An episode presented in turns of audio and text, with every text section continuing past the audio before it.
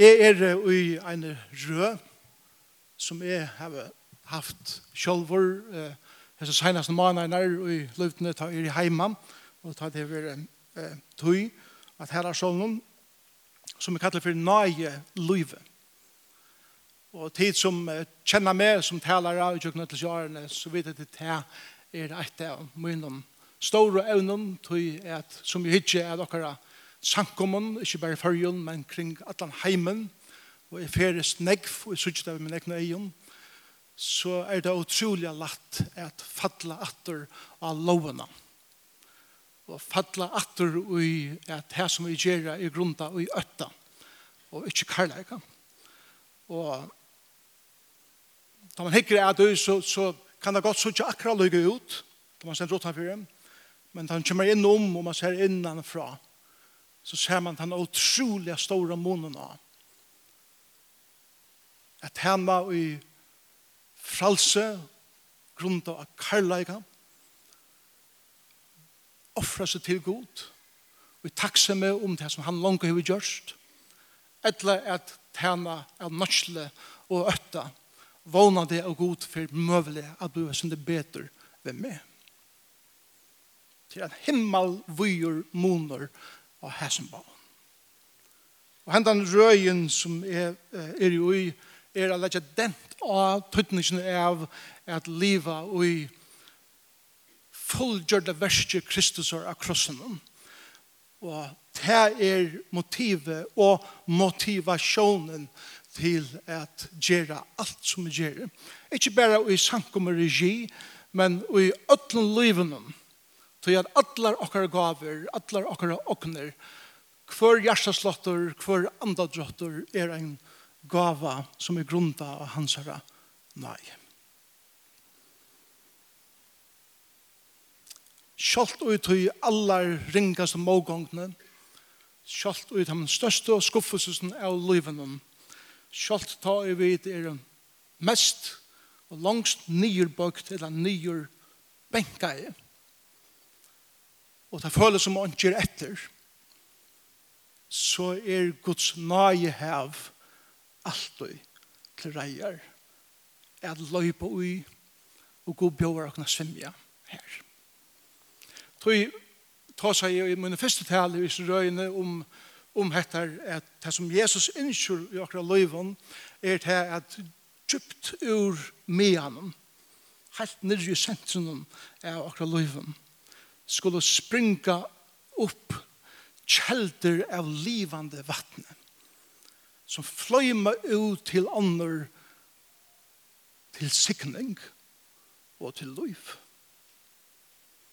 Så jeg brukte jeg eh, trutjat heller at hos om versk Jesus er av krossen frelsen vi er frelst av nøye men vi livet eisen vujer jo i nøye men Fyrir at livan vujar jo i nøyene, så må vi alltid hava eh, tjattnena og grunderna eh, er standa av. Og det er Jesus har fullgjørda versk av krossen om, og hans har oppreist til liv.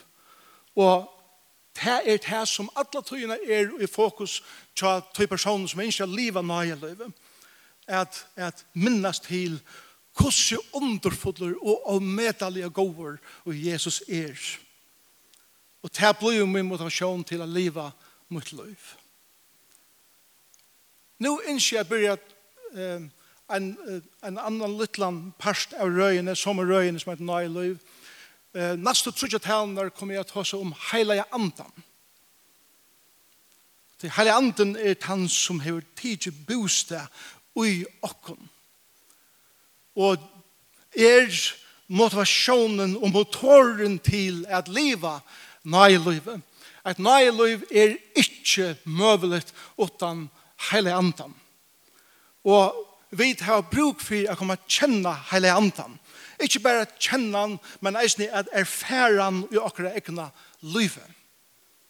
Og, og, og tog er det så viktig som er i det at, at minna samkomna at tar vi ta seg om feiren så vet at han er fullkommen god tar vi ta som sonen så er han fullkommen god men ofta tar vi ta som andan så sørger han kanskje mer som et eller annet slag at han er ikke fægeren og ikke sonen som han eisen er ta er han fullkommen god ur upphavnen og i avleikanen onga byrjan og ongan enda eins og feiren og sonen han, han han er i ongon minne tøyande. Han er i ongon minne heilaver. Han er i ongon minne mattmikil. Han stender av sama støye, i sama myndeleika, i sama dordleika, i sama heilalaika, som fægeren og sonren. Til tøy vi tryggva av en trøyand. Ein god, god fæger, god soner, god heilig. Og det som heilig gjer er til at han teker bostad Jesus sier i Johannes 16, som vi kan lese om å av døte, at det er tikkun til gagn at det er færre. Tog jeg ta i færre, så skal jeg sende tikkun talsmannen, som skal være, ikke bare tja tikkun, men eisene ui tikkun. Også at Jesus ikke får, så har han, han sier at han har stadig vært bunden til Samaria, Judea og alt det ødje, og, og Det som Jesus gjør det var, var nå ferdig er fysisk, så at mitt versk ui hele andan som tenker bostad, og i person personen som kommer til moin spredt ut om atlan heimen, kjølt opp til negar fjerskottnar, odjar og i norr atlans ver Vere mitt versk gjørst til fullnar. Det som Jesus spyrja i her og gjør, vere vujare først vi kraft heilig andans, og i jøkken ein og kvann, for okken som sitter her i dag, at utinna det verset som Jesus bryr og i kraft andans. Åh, jeg tar ikke gode for det hele andan. Takk Jesus for at han sendte han til dere, og jeg tar ikke hele andan for at han er her i det.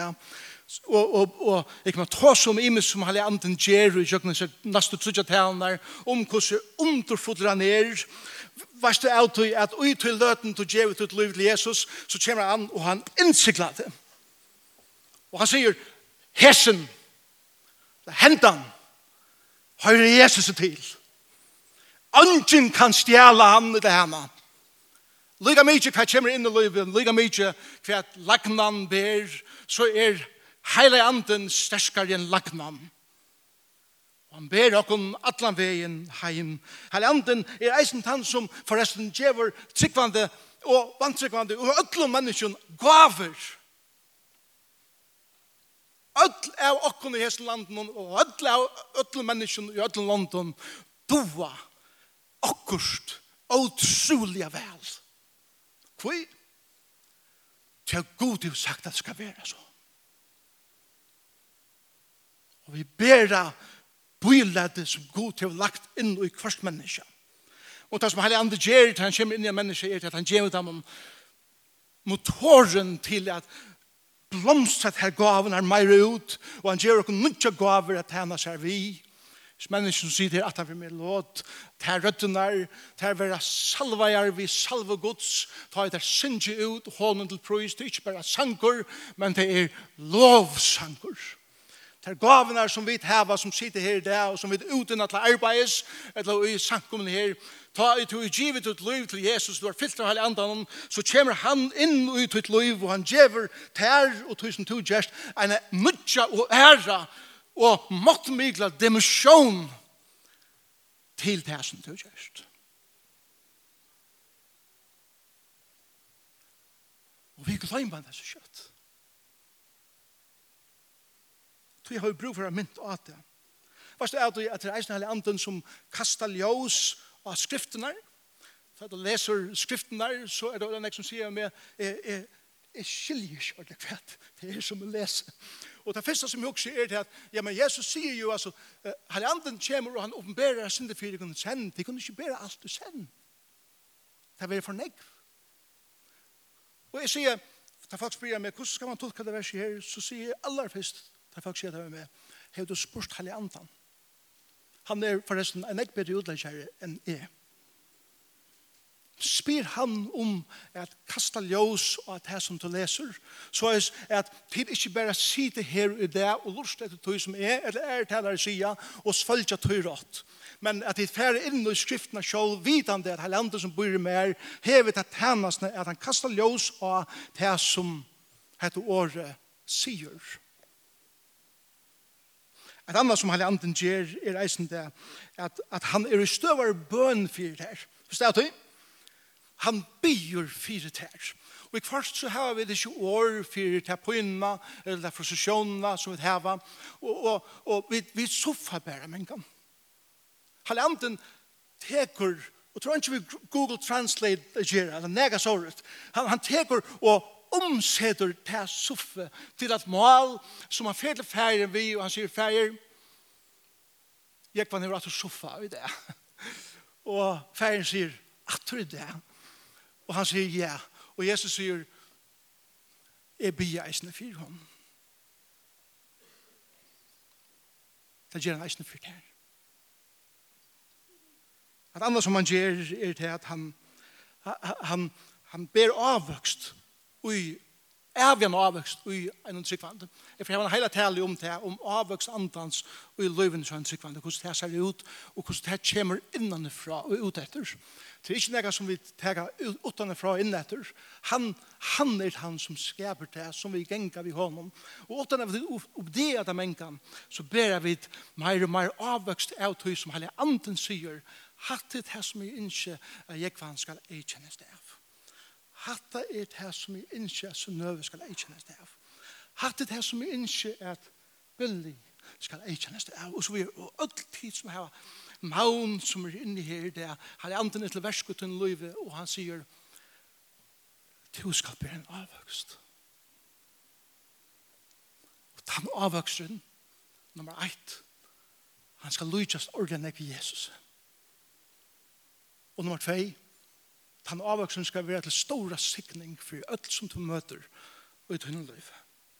Og da mener ikke bare vi er være ordet fittor og blod vi alt, men han gjør noen eisen myndleggene vi først at tale inn i livet til mennesken, sannleggene, ta i folk genga liknarinnar lei.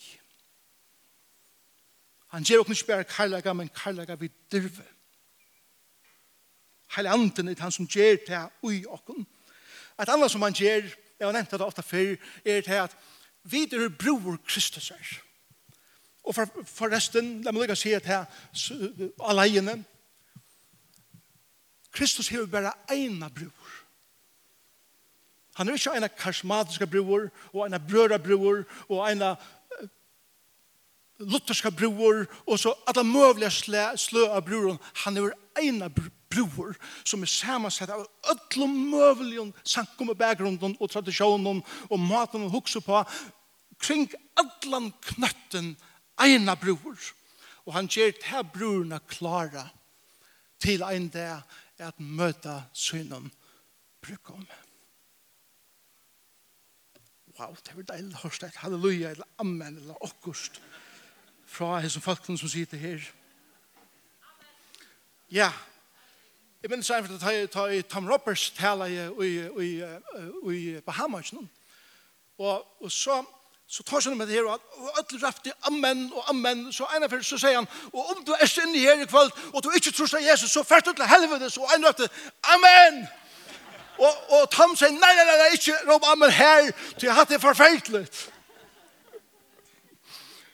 Så sjåan skal man hugsa om när man sier amen og när man sier halleluja. Og det skal helst samsvara vi det som vi har sagt og det som resonerar i en sjålvån og man eisen sjåan til hugsa om hver mentan, hver er mentan liv i ui, hver er personlighet er i e og så vidare.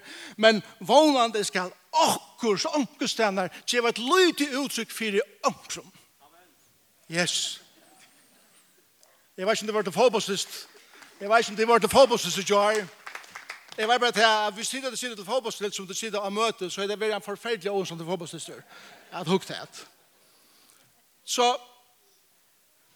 hette er jo nega vi mentene gjøre, hette er nega vi sank om mentene gjøre, og, og tid kjenner meg. Og jeg halde vi det bruk for vi kost, at ikke være bensje for det, er bråta et lydesynder. Mentanene. Mentanene som hong så først og gjør om hon er til hinders. Ja, hatt var handa tala. Det første som Jesus nevnte om Heliantan var i Johannes 16. Han nevnte han eisen i 14, men det første som han nevner Heliantan for å gjøre. Slå vi meg på Johannes 16, jeg vet at tøyen er er, det var, er ikke han kommet til første punkt igjen. Så Paulus tar seg til midten av denne affære og til en datt ut og døye. Jeg håper ikke at jeg taler så langt i det. Men i Johannes 16 så leser vi disse årene her beint. Hette sørste kvöldmåltiden tar sida enn til bors og nå færer der å bevege seg om man etter gøtene fram vid muren og i Jerusalem, vid tempelen og bevega seg inn i Østegæren og i Gethsemane, hver Jesus vil tidsen. Men han tar seg vitt der, og han sier vitt der i eh, vers 5 og i Johannes 16, Nå færger jeg borster til hans herre som hever sendt meg. Og ønsken at jeg kan spyr meg hver fest Men jeg skal tikkere er våre fullt av sorg til jeg taler dette til dere. Da jeg sier til konsannleggene, det er tikkene til gagen at det færre en borster. Tøy færre ikke borster kommer talsmæren, og det er sånn at hele andre han tar seg om her. Ikke tiltikkere. Men færre borster skal jeg sende tikkene han. Og så heter det første som vi leser om, som Jesus sier, ein av tæna som hele andans er. Og til dette, ta igjen kjemur skal han samføre heimen, om synd, rattvise og dom. Og hva betyr det? Jesus utlegger det, lysen meir. Om synd, tog det trygg vi ikke av meg. Om rattvise, tog jeg ferdig til færre min, og til suttje meg ikke langer. Og nummer tre, om dom, tog høvdingen i hesten heime er dømter. Wow. Talsmauren, året, året, talsmauren, er et år som hever vi vi ein person som kommer ved syne av en øren at hjelpe til personen alleis. En som gong ved syne av. Jeg taler ene for samfunnsmøten i, i, i nye nabb. Men jeg sitter, Aren eh, Torsfell var bygd, så var det noen lengre tretrapper fra tog syne helt opp på eh, parkeringsplasset i nabb. Og dette var i november måned, alt var frist, akkurat så det han er. Og jeg skulle tale, og jeg får renne de oppsøkende trappene, og halvar lei, eller kanskje tvær tjinger oppsøkende trappene, stender en eldre kona, så ikke sørst i alfjersen hun, og tvøy helder og rekkvers som er her, til alt er uiser rundt om henne. Og hun tar det ikke genga hvor jeg er. Så jeg kommer, jeg kommer renne de opp, og, og pura spontant, så tok jeg om henne, og rann hvor jeg er ved henne, oppsøkende trappene. Hun hukte et mer da jeg kom opp, og Og så kjente jeg meg. Så sier er det to? Jeg sier, jeg, jeg, jeg, jeg sa at du, du varst her, og, og jeg tok det bare. Og han sier, tusen, tusen, fire, det, det er så pura fast. Og, og, og, jeg var bensje for jeg var ikke rørt, men så, så ble det meg sånter, og takk for. Hatt er en mindre talsmann, jeg sier ikke det er noen talsmann, men ut til løtene, gjør de det her så myndene som Heilige Anden gjør, han kommer her til hjelper. Han kommer ved syner av der, og han leier det fram. Da er det stendet fast. Talsmær betyr eisen verje. En som verje det ta i vante leikar av. En som verje det ta i til å være avkarder for neka, og en rattar selv. Han er verjen. Ta det være avkarder. Til, til versk Heilige Andens, Og det første som Jesus sier, Halle Anden gjør, er tre ting. Og jeg skal røyne at gjøre så kjøtt av som kan, så jeg tenker noe kjøtt om første av som kunne jeg haft først enn et hele. Så, så, så ikke gjør det kan jeg av hva det er som Jesus sier her. Og minst til konteksten er at han tar seg ved lærersvennene der. Han sender ikke ut en allmenn steg og råper til vantrykkende folk. Han tar seg til lærersvennene. Vi ørner han tar seg til først til tryggvande folk åren derfor vi er ut. Tog at om vi skulle være ombås men heilig andans, og det som heilig anden virker i jøkkenen, så må det som heilig anden ikke si vi heimen først jeg kjenner okken. Amen. Sjående skal det til. Det er ikke autentisk annars om det som vi sier, ikke en passer av tog som er er som menneske. Så han sier, vi, vi, vi lærer sånn at han sier, til han kommer, så får han at sannføra, eller ivervisa, heimen, som er kosmos, det samme året som vi brukte i Johannes 3,16, til så elsker god heimen, alle mennesker, om synd. Nå, jeg vet at, at omkår skriver her, det er sier, for neien er ene for skyld, så tar seg om synd. Her. Preach it. Døm deg. Men deg er synd. Men, men tar vi ikke at du. Så, så tar vi ikke at, tar jeg ikke at synd som hun vil definere mengden kan så særlig med til ung, som er øyla konkret og fyra kan ta oss først og kvut. Til unge og høyre kan jeg si det. Så, så blir synd nega som som er ikke at livet opp til nega som er allment bibelst og mentenarlige god tidsi i middelen folk.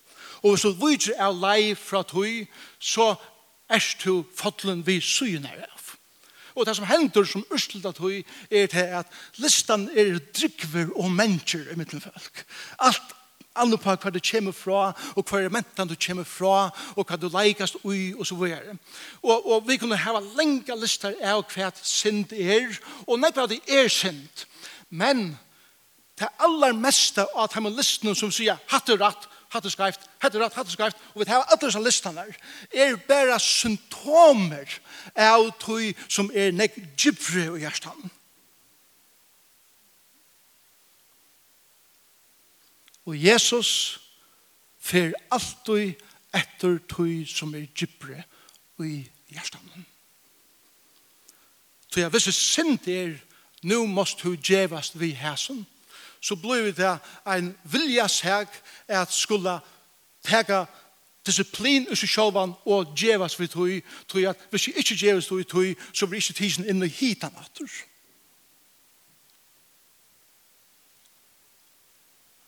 Hva er det her? Det er øtte. Det er lov. Jesus er slett ikke under seg av ui at vi skal brøyta okkara livsstil som han er at vi først brøyder, at han først brøyder okkara hjärsta.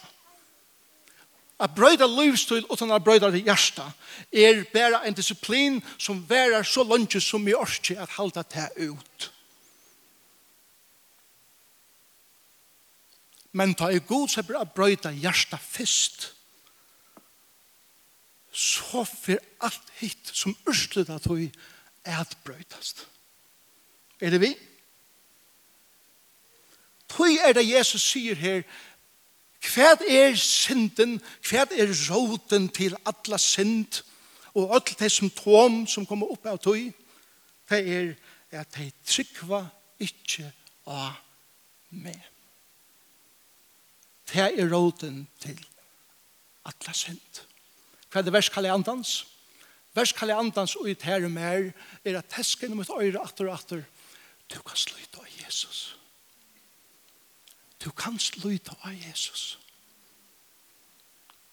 Du kanst seta ditt alid av han av samme hatt som du gjør det at du gav litt lyt av frelster. Du kanst avhaldande uten lyv i nøyene blå vi at lyta av han. Men Hvor gjør vi så ikke det?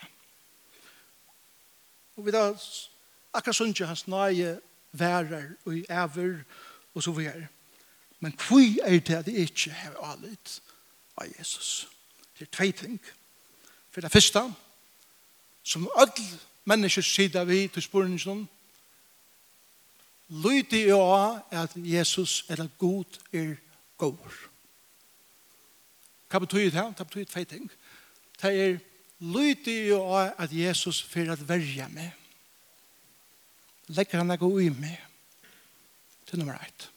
Og nummer tvei er, lydig av at Jesus for at metta med. Men grunnleggende tørver. Og vi tar hoa sier, vi er glad for han ikke sier amen på nå. Tøy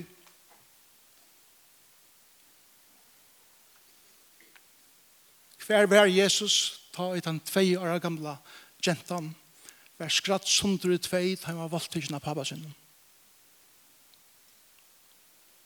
Og jeg var misbrukt alle årene oppe etter pappa sin.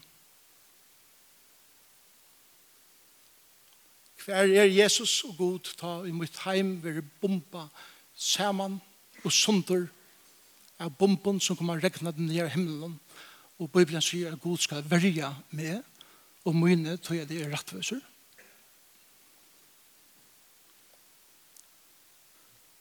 lyder jeg er god for at føre meg hjem i det.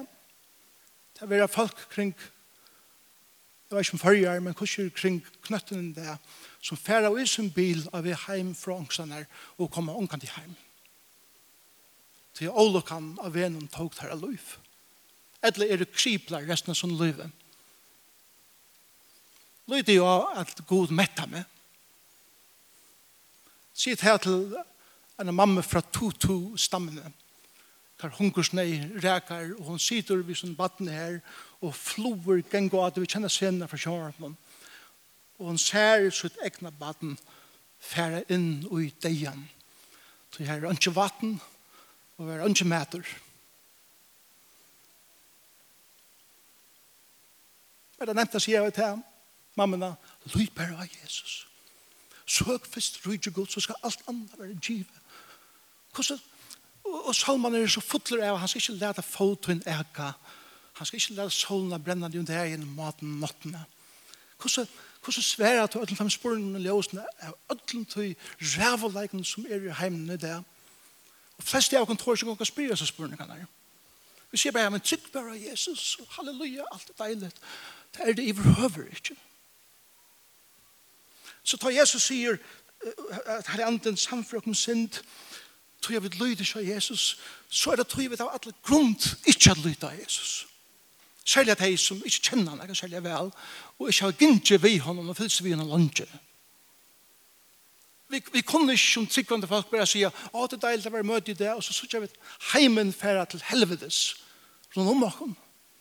Vi kunne ikke være ævende møte bare si halleluja, og så sitter heimen luja, og trolig nei, og, og hukse at Jesus kan nok tega seg av heimen, og vågne de er anker ute her, som djeva så mye nek, er at anker fer akkurst. Det er en tjupor, tjupor setninger som hele anden minner okken av heimen. Og hva henter? Så er det ikke av alle Jesus. Det som hender er det at jeg sier, jeg tar ikke mitt liv for egne hender. Det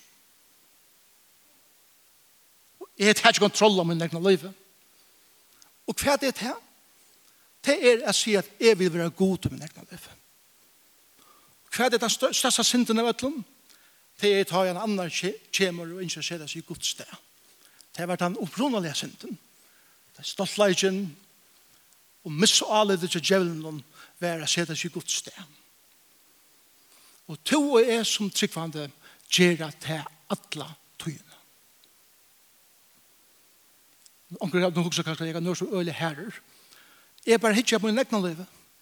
Og jeg tykker ikke tycker liv så er redan annan än som mycket. Jeg tar ikke alle tøyene ting om min egna händer. Og da jeg hittar det mer fysisk, da jeg tar ikke ting om min egna händer. Hva gjør jeg nå? Jeg nevig må du gode. Jeg lytter ikke av det. Det er ikke kontroll. Og alt som ser det sporene vi mye kontroll av min egen liv. Og, og, og, og ser det sporene vi. Så ikke jeg som er da. Så jeg holder seg fast om mitt egen liv. Jesus kallar det et harsht hjärsta til det kan høre i som gjør til det sutt ikke, til det høyre ikke, til det skilje ikke, og det vet ikke hva det skulle si. Det er folk at det kan ta djupa spurningar løsens. Men ta i det her som et liv med egen hender, så blir vi ensam alder. Til det løyver ikke noen innom mitt liv at forstyrra det kontrollet som jeg vil heva av min egen liv. Ja Det gjør at jeg misser djup samband vi mennesker. Og hva gjør det her mer med meg? Det gjør meg sorgfotlan, det gjør meg enlian, det gjør meg reian, til at vi er skapt til samfunnet. Vi kan annan. God til å lagt det i oss som mennesker. Så hva gjør vi så? Vi kan med flere av det vi ødler møvelen. Og så spryr det ut på alle mulige måter. Vreien kommer her, skammen kommer her, og her kommer her, jeg byrger at døyva med vi ødel møvlige substansen som er til å drekke, eller spræna i nøyme, eller andre nøyme, eller er, er, er mishandle folk for at manipulera nega bors ur dem, så at jeg kan få nega meir bors ur tøy, og til suttja listene av synden som kommer nye handa. Er det synd? Ja, sannlig er det det. Så det kommer fra en, en djupun hjärsta som er vent imot det gode. Og alt symptomene som kom opp er en pastor av øtlom tog. Men det som sier er, vi kunne ikke bare djeva oss for at de tenker noen, hvis vi ikke hittar langer inn i okkar hjärsta. Det er det som hele anden gjør i okkar livet. Men det er ikke bare at det er ringe tingene. Vi vet at det er alltid at det er eisen de gode tingene i okkar livet, som vi er eisene er kamuflerande vi, men det er stor synd i okkar livet. Jeg må si en av fyrir, Jeg hjelper konen som er støvsuga huset. Tog jeg det veit at så skildar hun meg nek som gjør meg godt sex omfølt. Er det nek galt vi at støvsuga? Du kan godt si nei.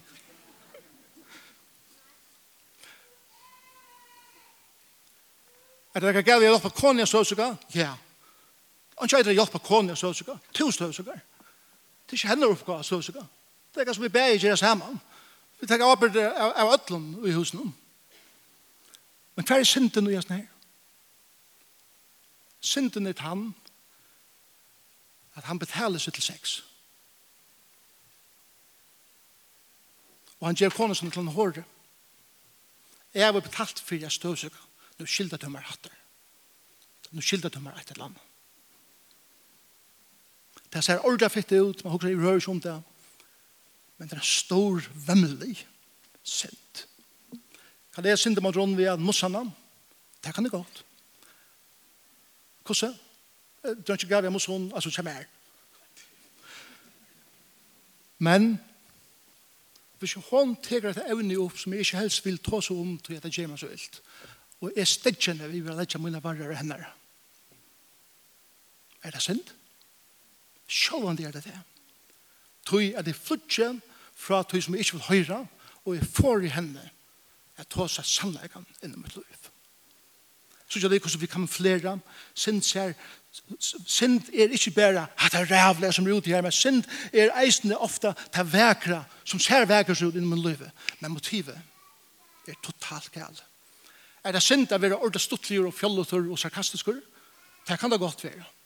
Tog at er personer som gøymer sine pyne og sine vreie, og vi bærer å fortelle krøniker og få ødla flenne og så videre, og gjør grin på sine øren, det som man sier vi til samtidig, er du skal bæra prøve på at, at si sige nægge måte mer til du sørst, hvordan jeg i min fjolle, du er at nye gjør ånder, og hvis du gjør meg nægge, så gjør jeg det samme vi til.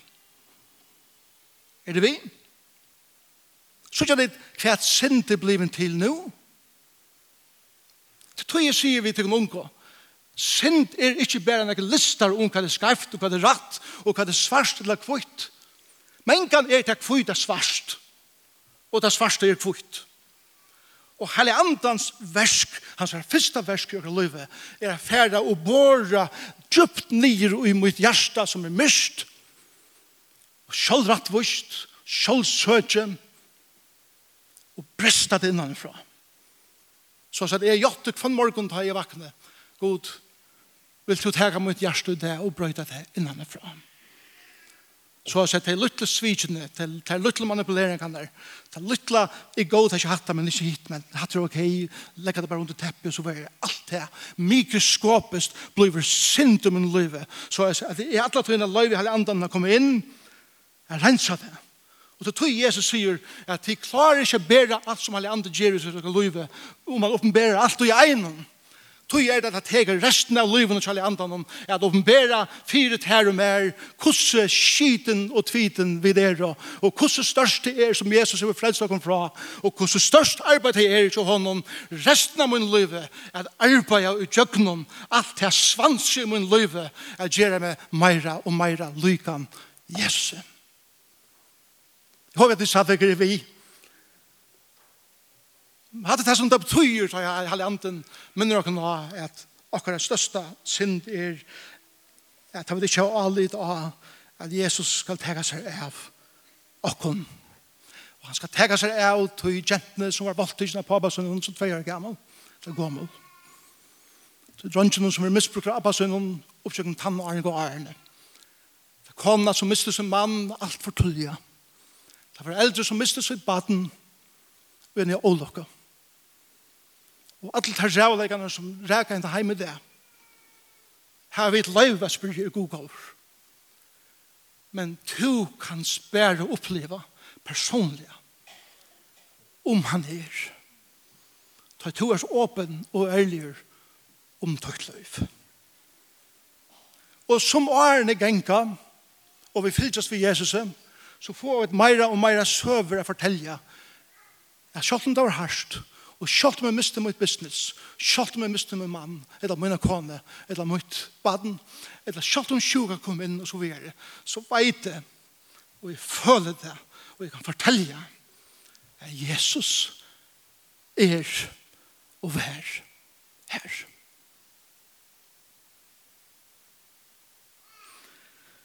Okay. Og det kan stekke her. Man sier vers 12, og han samfører heimen om rattvøyse. Fui, til er ferdig ferien og til suttja mykje, men hva betyr det? Det betyr bare simpel og hettar. Rattvøysen kjemur omanifra. Så simpelt som det. Det er det som det verset betyr. Rattvøysen kjemur omanifra. Hjärsta brøytes bæra, og lustig vel etter det som sier nå, hjärsta brøytes bæra vi omvending. Hjärsta brøytes bæra vi at det er som et baden godt som livet nå i livet, kvann det vende vi fra min er synd, ta i hele anden, åpenbæra det fire mer. Så sier hele anden, og Kristus, takk fire, at du minner meg av det som enn i min liv må nemast vi at her, og er innskjer Vi tøyner kraft er at venda vi fra hæsum. Men til ikke i min egen viljastyrke, til at det være bare så stort, men det kommer fra at han rattvisen som god til vi give mer. Ta rattvisen som han vil kalla meg vi. Ta rattvisen som han vil uilede meg ui. Ta rattvisen som Luther sier, nu skiljer hva rattvis god sier, til ikke at skulle liva opp til hans rattvise ved at boka meg sjølva, men til at vi at tega imot til rattvisen som han gjever mer og det frelste Martin Luther. At livet i Jesu, at nøyen kommer omanfra. Fra gode, inn og i meg og prøyden meg innanfra og ut. Det er ikke, kære brød og søster, jeg skulle livet opp til, nekra listar av folk fra folk som krevjer et eller annet, som vi halte er bibelsbasera, men som er nekmare størst av hva samfleie helder om hva det skal til der at. For så vil jeg kan det. Det betyr ikke å leve opp til det som gjør det til bare en nøye leisam person. Det betyr, det betyr heller ikke å gjøre med forkjentan til det rettvisene som kommer romanen fra. Det Det betyr heller ikke at, at, at livet etter noen reglum som er vågne for å brøyde mitt liv. Det betyr simpelthen etter at det er nøye som god djeve mer, som er et Guds rattvise, ådalka, åspilt, åblanda, årørst, av nøkron som er rein rattvise Guds, som bæra kommer fra hans hjerte, og han øyser det inn i mitt og tøyt liv. Det er den rattvisen som alle andre minner og nå at livet i. Den rattvisen som brøyder hjertet og er den brøyder viljan og sinne. En vinner kommer i, i Amerika som leser sammen vi skriver en bok som heter You are what you love. Vi gjør når hun ofte halda vi You are what you think. Det er det ikke. Men til Jesus sier at livet flyter ut av hjertet og det som, det som flyter ut her er det som kommer fra hjertet og av. Så tar jeg god for fædre tunne hjärsta. Så får han fædre til tunne vilja, og han får fædre til tunne sinne. Jeg brøyde av det. Og det blir til menneske som blir hånden meira, meira lukt. Det kommer suttjast av maten til livet på. Det kommer suttjast av maten til utstråler, dirve og karlæka og på. Det er rattvise som god har lagt ut til hjärsta, som han resten av livet, Lyga til den der er, er dødgjel at du dørst for å arbeide. Vi. Onkel, onkel, onkel spørst meg, jeg kan, hvordan kan du hjelpe meg å bli totalt tratt for seg selv ung, spør jeg til spørsmål. Og mitt svær er generelt standardsvær. Beste maten som er, er hjelpe til å bli totalt, totalt fryer og totalt rattviser er å drepe det. Det enda til samtalen. Og, og ta leid så til hva mener det vi spørsmål ånden av åkken inni her, og ånden nekker seg kring knøtten, kommer nekrande i hesten løyven, er vera så rattviser, og så totalt utansendt, og så totalt heilaver, er selv Jesus vil imponerer. Aldren. Jeg håper at det er oppmuntring til deg, som strøyest. God tid er og av er, og hele anden leier dere, Hvordan oppmuntrar Helligandokten og Alais? Og til vers 11. Og han minner heimen om dom, til høvdingen iver hesen heime er dømturs. Nekka får timer settende hunger Jesus av krossen hon, og han gjør enda av Satans valgte. Og han dømer Satan, og han dømer synd, og, og, og det som vi har bruk for å være mynt er til at høvdingen er i hesten heime som kallar seg Satan som har rant territorium og familier eier ikke til og da Jesus røpte til fullgjørst så let han en andre vite at tøyn tøy er avmarska tøyn tøy er kjøtt lio og Og tog er det vi skulle standa inn ønda i motor og i Jesu navn og i andans kraft. Og ikke løyve noen å komme inn i okra familier inn i okra samkommer inn i okra skolar er at folk kvakla det som hesen heimeren røyner er at de kreere og til vekra som god hever just Oppenberingen tar seg om at Satan sender det og nått og akærer til rattvis ut, heit sikvande fire haseten hon, og Jesus stender her, og han viser sin, sin naglamerskje. Og han sier, jeg var langt golde for hatt her. Og Satan sier, men hva vi jekva som kjørte hatt her? Jeg var langt golde for hatt her. Det er hva vi jens som kjørte hit? Jeg var langt golde for hatt her. Tøy at oppenberingen sier at det er vi blåe lamsen som vi stander rett for kjørt. Og så sier han eisne, og det er vi vi åre vittnesbord er syns. Det vil si det samme som at rattvis og godt som kommer om fra for at sprutje ut om min liv i at det her som er kommet.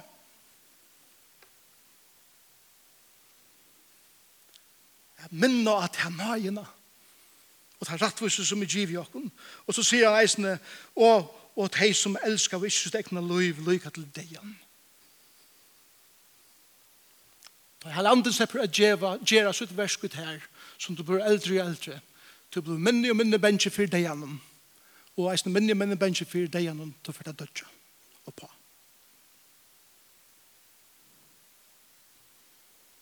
Tøy er det vi har bruk for at alt du er minne kan annan ha at om Rombrave 8.1 sier det er tøy noe anki fordøming for deg som Kristi Jesus sier. han hever tidsi domen, og han hever dømt. Han hever dømt til rattvisan, og han øyser til undervisning av rattvis. Men han hever dømt til en ønda, til et æve fortapelse, bostur fra Guds asjon. Helianden minner meg av at jeg var alit av Jesus. Han minner meg av at hans rattvis i givet mer. Og han minner meg av at man ikke tørvast av å være bensjen langer mine framtøy, til domeren er feltur. Kære brøver og søstre, vi har ångan rett av å være pessimistisk om livet. Hva sier det? Grunda opprestene og vånene som er i Jesus. Vi tar ångar ratta gengar rundt og knarra og grenja om hvordan rævlet liv vi er og alt rundt om åkken. Vi som tryggva at Jesus Kristus reis opp fra henne deg og tryggva at det er vogn for fram og lykke mye hvordan heimeren ser ut. Men eit anna, vi som er tryggva at heva ångar ratta gengar rundt og være optimistisk. Helters. Og da jeg sier optimistisk, så, så, så, så mener jeg vi i vi flatest Positiv Hvordan hever du det? Å, jo, Herren er så fantastisk god. Å, jeg vakner på morgen. Det er så, jeg prøver honom, for jeg må vel kan leve nødt til det. Å, hvor er ikke livet godt? Og det eneste jeg kan si over til er, vend vi. Hvor grunn av deg Jesus? Hvor døg han? Det er for tyna og myna synd. Hvor Fyrir hans er deg enn avvarskandi om min liv i tjokken heilig andan, så det han minner meg atru atru, og det er fettelig atru i det gamla, at det ikke heva anlid av honom. Tog er vi realistisk. Og vi tår at ha så om til pessimistiska, og vi tår at eisne peika at det positiva, men vi er en balanse ui, at vi vita, er vi liv og i spenningsfeltene, er vi her som bavon, Det er det antallet av løyve. At livet. Og anden minner oss nå at de som har andre gods som har tro av Jesus må lære å inna i livet noen kvann det at lyta mer og mer av for Jesus er i min liv. Halle andre minner meg av kvann det som er fyllt for honom at jeg har bruk for mer og mer av hans rattvise, som Bibelen kallar for heila gjerring. Jeg gjeras hånd og mer av lykker. Og heila andre minner meg av at jeg tørve ikke stora til han heldur framtøyna og i synar hånd og jeg har lagt vogn leina framfor meg jeg genka som Bibelen kallar for den smela veien for jeg er nok med meg selv og tar ikke prosten og fyllt hånden etter. Lyka og i deg. Halle anden er tre personer, tre renner som er samme støye som ferien og sånneren hever oppe så med tilbyan og dørt og heier som ferien og sånneren han er i til verska at gjøre et utrolig versk ut her og i mer som værer lykka til den dagen han skal leie meg fram som bror Kristus her og sier her er brukkommet Jesus. Og vi trakker ned av leikan saman. Om at Herren hjelpt okkon hjelp, hjelp mer som vi tar så om nøye løyve at nøye er ikke bare å gjøre som vi vil, men livet latt. Men nøye er at skilja. Hvordan stor Jesus er, og hvordan tøtninger meg det er for meg, at fylgja hånden etter kvende. du bia sammen. Prøysa vi ditt navn, Jesus. Takk, Halle Ante, for det versk som du gjerst ui okkom. Takk for at du er talsmøveren. Takk for at du teskar i mitt øyra daglige lyd av Jesus. Takk for at du teskar mitt øyra daglige rattvusen kommer åmanen fra. Given. Fru. Og takk for at du minner meg av at bardagen er vunnen av Golgata. Hjelp meg nå som tunt. Jeg fer ut i gjerne stegen og og at lyse hessa tannleikene ut ur min liv så heimeren kan være samfunn rom synd, rattvøse og dom. Amen.